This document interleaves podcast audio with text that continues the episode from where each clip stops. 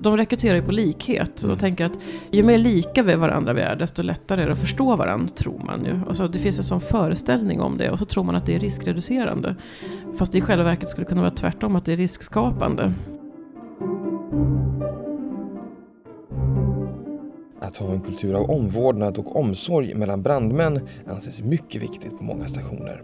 Men den kulturen begränsar också vilka som får bli brandmän. Det här berättar genusvetaren Anneli Heirén i det här avsnittet av Forskarpodden. Dessutom kommer det handla om varför metoo-rörelsen fick så stort genomslag i Sverige och vilka förändringar den lett till. Du lyssnar på Forskarpodden som görs för Uppsala universitet av mig, Jonas Lövenberg och Niklas Storm. Anneli Haurén heter jag, forskare på Centrum för genusvetenskap i Uppsala universitet. Eh, jag är företagsekonom i botten och organisationsteoretiker som har lagt på ett genusperspektiv. Ehm, ja, alltså jag började egentligen forska om hur man, hur man får människor att göra vad man vill i, i arbetsliv. Alltså eh, hur man styr upp folks energi och resursanvändning.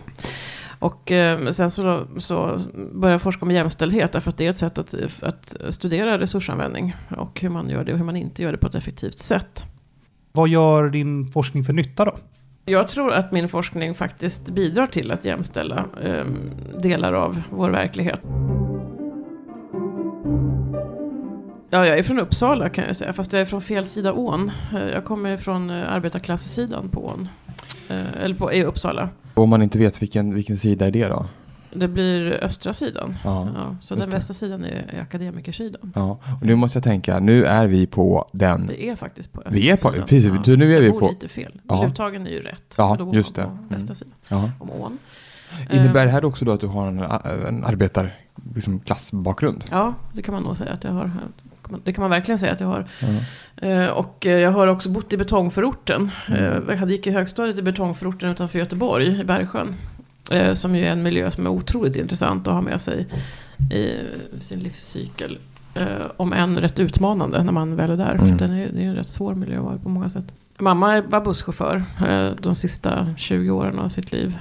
Hon jobbade satt i, var kassörska på Mm. det som hette Vessels förut. Och så blev hon busschaufför i Göteborg. Pappa jobbar ju på UNT. Fast med marknads, på marknadsavdelningen och sålde annonser. Så det, det kanske inte var riktigt lika mycket arbetarklass på honom som på mamma. Nej. Men jag, jag levde med mamma. Så att det är väl hon som har präglat mest. Att du skulle läsa på universitet och sedermera forska, var, var, var det någonting som du hade med dig tidigt eller något du insåg? Nej, alltså när man kommer från arbetarklassen, nu, nu säger jag det sådär lite generellt, för det finns säkert de som kommer från arbetarklassen som, vet, som känner till vad ett universitet är och vad det betyder och innebär att man har en högskoleutbildning och så. Men det gjorde inte jag. Jag visste inte ens vad universitet, att det, vad, vad, det, vad det var för någonting eller vad det innebar alls. Så att den vägen dit var egentligen rätt eh, krokig sådär. Eh, Jag läste vårdskolan och, gick, och blev, blev undersköterska. Eh, Och sen eh, så började jag plugga på komvux som lite äldre vuxen och, och, och tänkte så att Nej, men jag vill bli mer lyckad, jag vill bli rik var ju faktiskt skälet till att jag började plugga på universitetet. Och sen blir man akademiker så det är Kulorna ba, de, de rasar inte in. Ja, nej. jag har vad jag behöver men jag skulle inte säga att rik var väl inte riktigt, i alla fall inte på materiella. Att det sen blev forskning för din, din del, hur kommer det sig? Ja, alltså det är ju det är också ett, det är så intressant vad man hamnar i, i tillvaron och livet. Jag, jag blev ju ihop med min lärare faktiskt, vilket jag nu Mhm. då skulle så säga, va? En lärare som blir ihop med eh, sina studenter. Men, men vi blev förälskade i varandra när jag, var, när, jag läste, när jag pluggade. Och han var doktorand i juridik, den här läraren. Och så sa han, ja men det är klart du ska söka in på forskarprogrammet. Eh, han, och tänkte forskarprogram, vad är det forskarskola, vad är det? Liksom. Mm. Så att jag var rätt fundersam över vad han menade med det. Men så sökte jag in och så kom jag in då. Eh, faktiskt i början av 90-talet. På, på det som då var motsvarigheten till magister. Liksom. Som man då skulle, jag hade tagit en kandidat och skulle vidare. Och sen så blev jag kvar där. Jag tyckte det var intressant. Att fördjupa mig. Liksom, och få, att, att få liksom verkligen grotta ner mig i saker och ting. Och analysera och utreda och fundera på. Det, för mig är det sättet att vara problemlösare.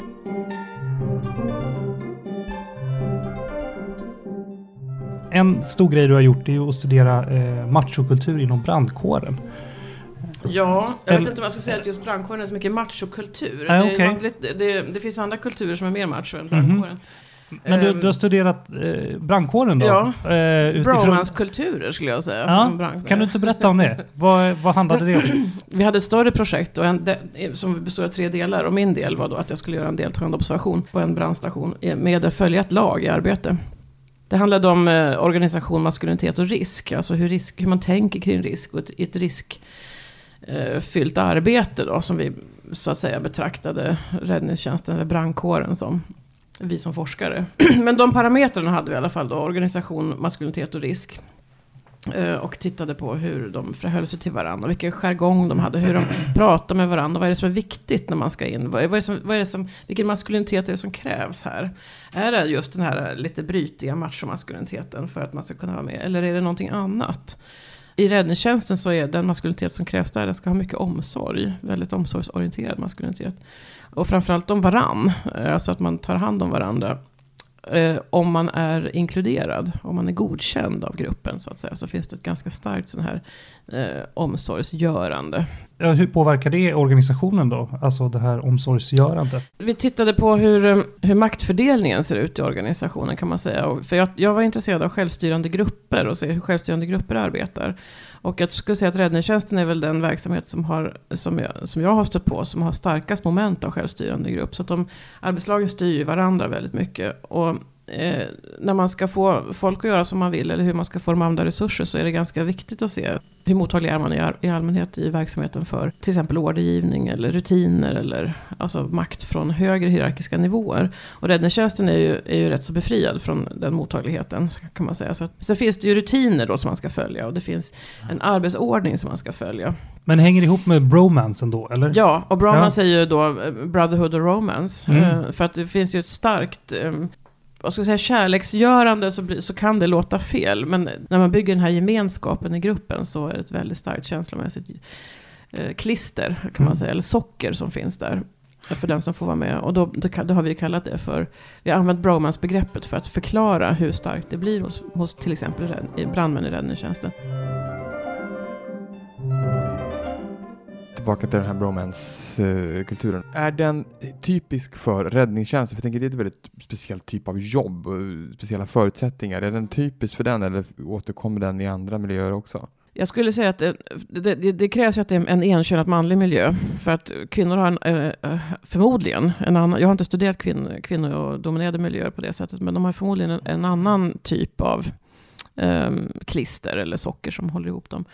Men i enkönat manliga miljöer så, är det de, så finns det moment, ska det finnas moment av eh, någon slags, om inte elit, så i alla fall en sån här, bara att, att det är väldigt efterfrågat. Eh, att omgivningen tycker att det är något som är intressant. Så det är ett moment. Och, och brandmännen har ju den här, som, som brandman har ju den här räddande funktionen, den här hjältefunktionen som man upplever när man kommer ut på en räddning eller på en rökdykning, på en brand till exempel, och omgivningen, folk står där runt omkring, så upplever ju de ju att här, kommer de och räddar oss. Och det, det, det momentet är väldigt starkt när man, när man kommer dit med bilen och kläderna på och går in och släcker eller vad man nu gör för någonting. Alltså vad, vad larmet nu handlar om. Och eh, sen är det nog den här att det finns en, ett moment av risk för liv. Jag lägger ju mitt liv i händerna på min kollega till exempel. Eller det kan vara farligt att göra det här jobbet. Eh, det betyder någonting. Det innebär någonting som gör att man antingen så, så om, man, om man inkluderar så klistras man ihop av det. Att man tar de här riskerna. Att man löser det här problemet tillsammans och så. Men funktionen som det här fyller, Mm. handlar det om att, att kunna göra det här jobbet bättre eller att på något sätt kunna hantera stressen eller vad? Ja, det vad- finns nog en föreställning om det, fast jag tror inte riktigt på det. Jag tror att det, att det också ger ett, ett starkare moment av stress, därför att det leder till att man måste vara rätt och måste agera rätt och sådär på ett sätt som, är, som egentligen inte gynnar verksamheten. Men jag tror att det är en upplevelse av trygghet som, ehm, och en upplevelse av säkerhet och riskreducering som man tror är bra.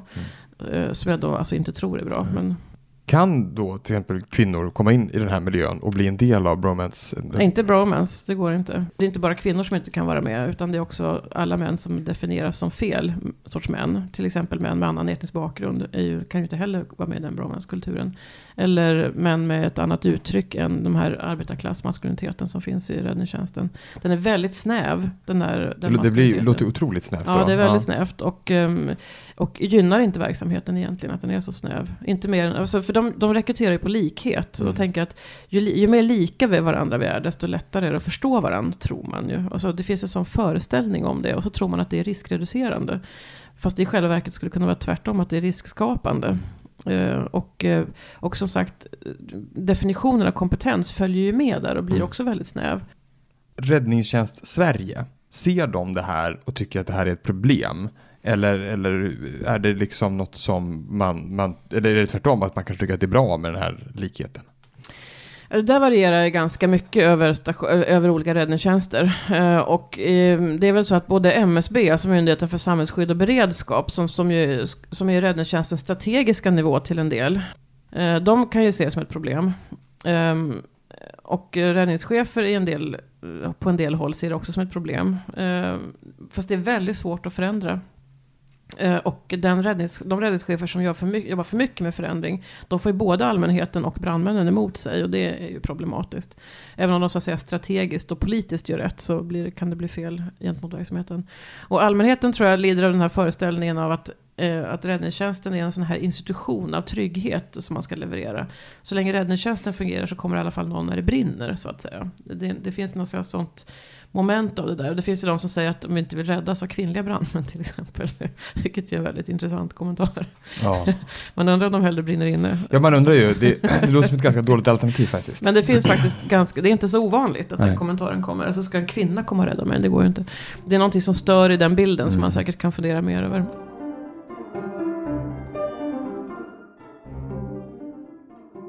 Men du har ju också fått eh, smaka på den här gemenskapen för du eh, har ju varit i alla brandman. eller? brandman. Det är inte samma sak Nej, som att vara med i gemenskapen. Men, eh, så hur, hur hamnade du där? Hur blev du brandman? Du har varit deltidsbrandman? Deltidsbrandman, ja. Jo, jag är faktiskt utbildad brandman. Utbildad deltidsbrandman kanske jag ska Ja. säga, för jag har inte gått SMO.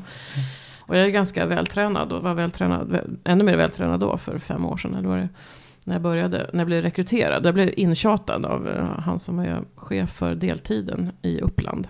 Jag sa ju nej naturligtvis eftersom jag hade forskat om eh, den här miljön och tänkte att det där blir väldigt svårt för en, för en äldre kvinna som är feminist och akademiker. Det är liksom inte riktigt rätt målgrupp om man säger så. Eh, Men han fortsatte att tjata och sen så sa min dåvarande make, sa han att ja men du säger ju nej bara för att du har en sån här genusföreställning om vad det här jobbet går ut på. Eh, Och, och, och jag insåg att han hade rätt, att det faktiskt var precis det jag gjorde. Det var därför jag sa nej. Jag tänkte att nej, men det, där, det, det där klarar inte jag, för det där är för svårt, det där är för tungt och det, det där är det, ja, det ena med det andra. Och då tänkte jag att jag kan göra testerna i alla fall, för jag klarar nog inte dem. Så där, då har jag liksom ändå inte backat från den utmaningen. Liksom. Så att jag eh, klarade det och, och då var det bara att rulla vidare liksom på det där på något sätt. Då tänkte jag, ja, men jag får väl gå den där utbildningen, den första tio dagars utbildningen då. Sen kan jag ju hoppa av sen. Om jag inte klarar den. Och sen så fortsatte det liksom. Så att sen, bara, och sen jobbade jag som brandman i tre och ett halvt år ungefär. Ja, Du gör det inte längre? nej, jag sa upp mig i somras. Under din tid här nu, eh, kom du in i gemenskapen? Jag, jag tycker att det är svårt att svara på den frågan lite grann. Därför att, och, det, och då betyder ju det att jag inte gjorde det eh, egentligen.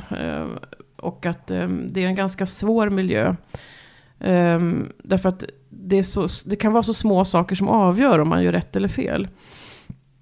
På deltiden har man dessutom, på ett annat sätt än heltiden, så har man dessutom att det är den orten man bor på. Där är det mer rätt om det är de som, har flyttat, som, som inte har flyttat in, utan som kommer därifrån.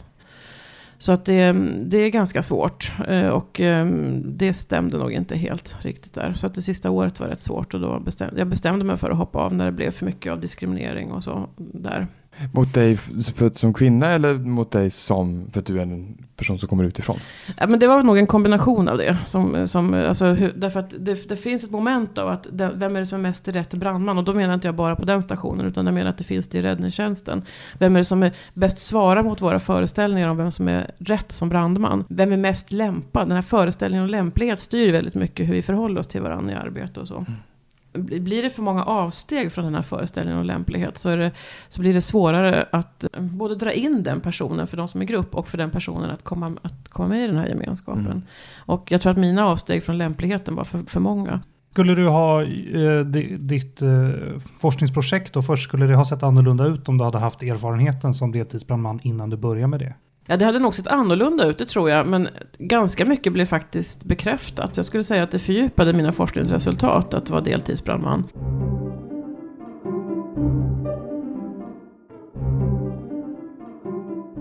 i samband med metoo-rörelsen, mm. metoo-kampanjen, så har du hört ganska mycket i den mm. debatten.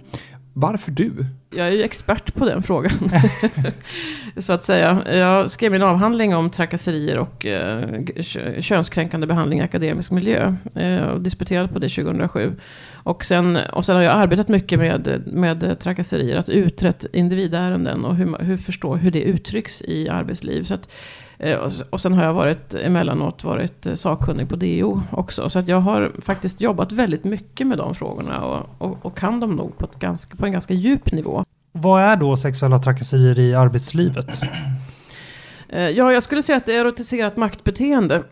alltså att man på något vis eh, använder en, en maktsituation eller ett, ett, beteende som, som vilar på makt. Och så klär man det i sexuella termer. Och, och som, så att egentligen syftar till att, beteendet syftar till att antingen få kontroll över någon, att, få, att utöva makt över någon eller att trycka till någon på, på olika sätt. Och en del använder väldigt sexualiserade metoder för det och en del använder bara könskränkningar så att säga för det. Alltså till exempel osynliggöranden och alltså det som man kallar för härskartekniker då normalt, eller vanligtvis. Det kan starta på lite olika sätt. Det kan till exempel starta i Um, att man tycker att någon är intressant och så får man inte, så, eller att man tycker att, att, man blir intresserad av någon eller attraherad av någon skulle jag kanske säga snarare. Uh, och så får man nobben och så tänker man att det där, det gillar man inte och så, och så fortsätter man, så, så använder man sig sen av ett kränkande beteende istället. Då, jag tror att det är mindre vanligt än de här som faktiskt vill um, försäkra sig om att de ska få fortsätta fördela resurserna eller fortsätta att ha kontroll över folk på arbetsplatsen. Ungefär som mobbare som vill ha kontroll över folk som finns runt omkring sig. Men det här handlar om kön och då av sexualiserade trakasserier. Kan det drabba både män och kvinnor då? Ja, absolut. Och det, män kränker både män och kvinnor och kvin, kvinnor kränker både kvinnor och män och icke-binära. Så det, har, det, det, kan också ske i helt enkönade miljöer som till exempel räddningstjänsten. Att det är sexuella trakasserier. Så, och, och, som inte behöver vara homosexuella sexuella trakasserier heller. Utan det, därför att det handlar inte egentligen om vilket sexuellt, vilka sexuella val man gör. Utan det handlar om att trycka till någon med en medel som man vet fungerar. Och då vet man att det gör det. Att sexuella trakasserier gör det. Metoo då, var, varför fick det så stort genomslag i Sverige? Eller det uppfattas i varje fall. Jag uppfattar det som att det blir stort genomslag i Sverige. Ja, men jag tror att det är knutet till vår föreställning om oss själva som jämställda. Och eh, när de här berättelserna kom då från kvinnor som vi inte liksom kunde föreställa oss eh, kanske skulle drabbas av det. Ändå var så många som berättade om det. Så, så blev det nog en... Eh, så blev det nog väldigt överraskande för många att det, att det faktiskt var så vanligt och att det var så grovt och att det var just de som drabbades. Och sen eh, så tror jag att det här, nästa steg som kom var ju att vi såg raseriet i, hos kvinnor som faktiskt eh, lever med det här. Eh, och att det är så många som gör det. Alltså det raseriet som finns i, den, i de berättelserna tror jag, och förtvivlan som också finns i dem, tror jag överraskade många. Där man har tänkt sig att här går, här går vi och är jämställda, vi är världens mest jämställda land. Det, det liksom verkligen krockade med våra föreställningar om oss själva. Men nu har det här rullats upp. Liksom. De, vilken blir de viktigaste långvariga effekterna av det här nu? Att folk vågar berätta om problemen här. Um, ja, jag hoppas ju att de viktigaste långvariga effekterna blir att när någonting inträffar så tar man tag i det direkt och så tänker man någon metoo vill vi inte ha på den här arbetsplatsen. Man vill inte, vill inte att det ska bli, alltså då menar jag inte bara att det inte ska hängas ut i media utan man vill inte ha det problemet eh, som chef eh, att någon medarbetare kan berätta om en sån situation. När man har förstått att den kan inträffa så, så ser man till att parera den innan det blir så, för det kan man ju faktiskt göra man kan arbeta mycket mer medvetet med den, den omgivning, den arbetsplats man har. Eh, och med det ansvar man har som chef på olika nivåer för att förhindra det hela. Att det ska uppstå.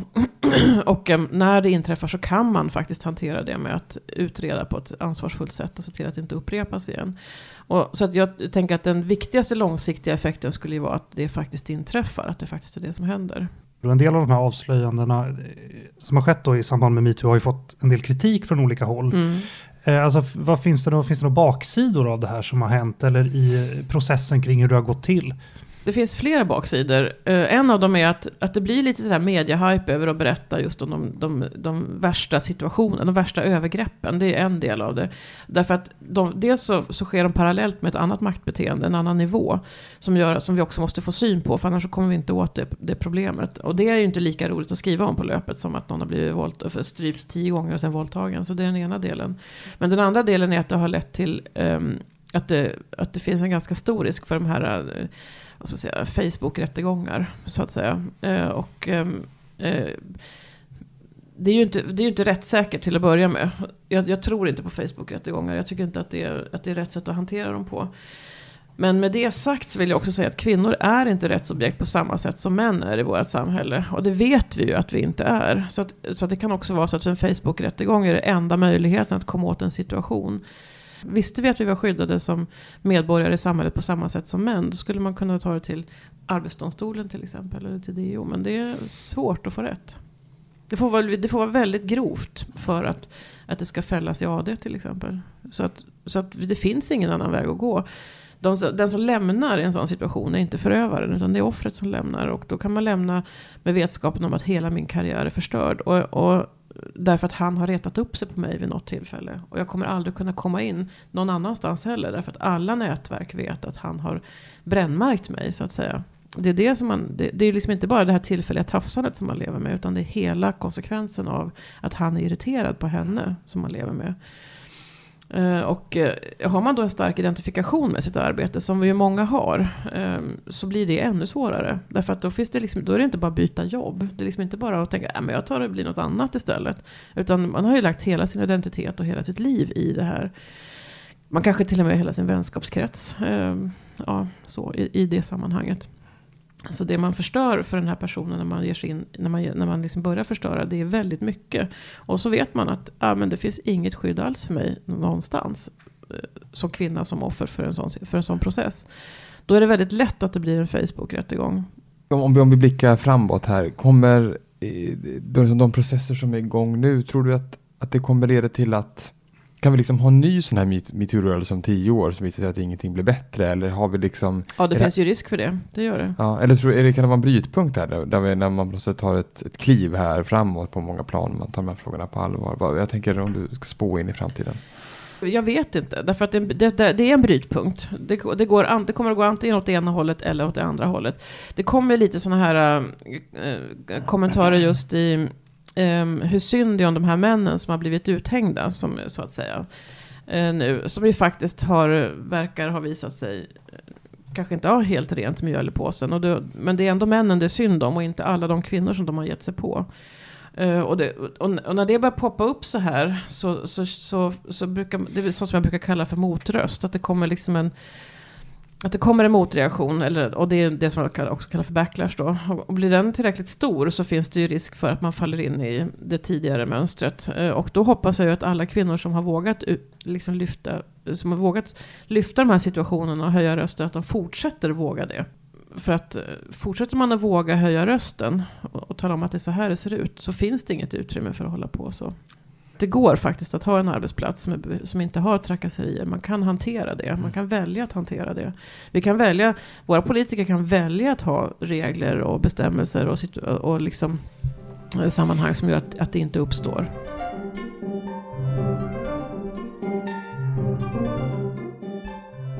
Det är ju faktiskt valår i år. Eh, så eh, jag undrar då vilka på, om man på, ta ett ännu, på ett ännu större plan, då, vilka är de, mm. säg, de viktigaste politiska frågorna för, för jämställdhet eller för, för de här problemen som vi har pratat om kanske? Jag tror att viktiga frågor för jämställdhet är att vi har ett regelsystem, som, eh, alltså lagar och regler som gör att det faktiskt är förbjudet att vara ojämställd så att säga. Att det, att det, att det är, och i den mån vi har de, sådana lagar och regler så måste de följas.